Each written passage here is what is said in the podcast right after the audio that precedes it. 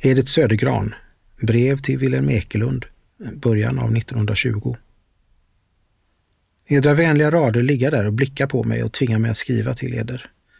Sen jag lärt känna edra verk har jag känt mig personligen dragen just till er bland Sveriges författare. Har mycket att tacka eder för, men känner endast till antikt ideal och Veris Emilia. Resten otillgänglig för mig, utfattig genom bolsjevismen, lungsot, avlägsen gränsby. Dock skall jag även lämna all jordisk visdom för en tid, har fått tag i Rudolf Steiners dramer och känner mig som en simpel landsvägsblomma. Där är den enkla lösningen av filosofins gordiska knut. Inför hans dramer i originalspråket smälta mina tvivel bort och jag går okultismens väg. Mitt andra stora intresse är dödandet av tyngdens ande, det dionysiska, den eviga återkomsten, ont och gott, detta som hör oskiljaktigt ihop. Undrar om tanken ensam är det gyllene, det som för över till övermänniskan, om kraften blott blir tung och ful utan den tankens mognad Nietzsche ensam ägde, om ont och gott är den punkten där tyngdens ande övervinnes, om den eviga återkomsten är en kosmisk hemlighet. Har älskat Nietzsche som Nietzsche ensam kan bliva älskad väntade på tankens nästa konung efter Nietzsche och fann det besynnerliga stycket Steiner och där i allt jag någonsin önskat.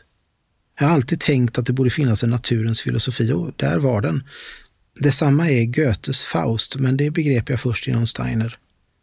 Mitt innersta livsintresse, det som jag samlar mina skatter för, är organiserandet av jordens hjärna, detta andliga maktcentrum som ska styra världen.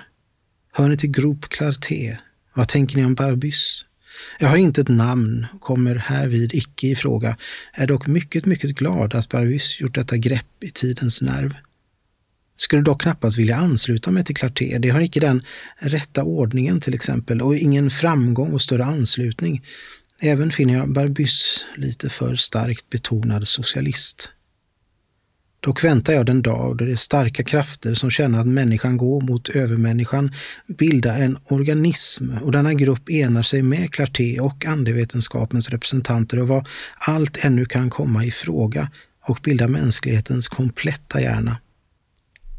Jag är framförallt handlingsmänniska och vill taga den starkaste andel i dessa händelser. Härmed har jag för eder presenterat det väsentliga i min personlighet.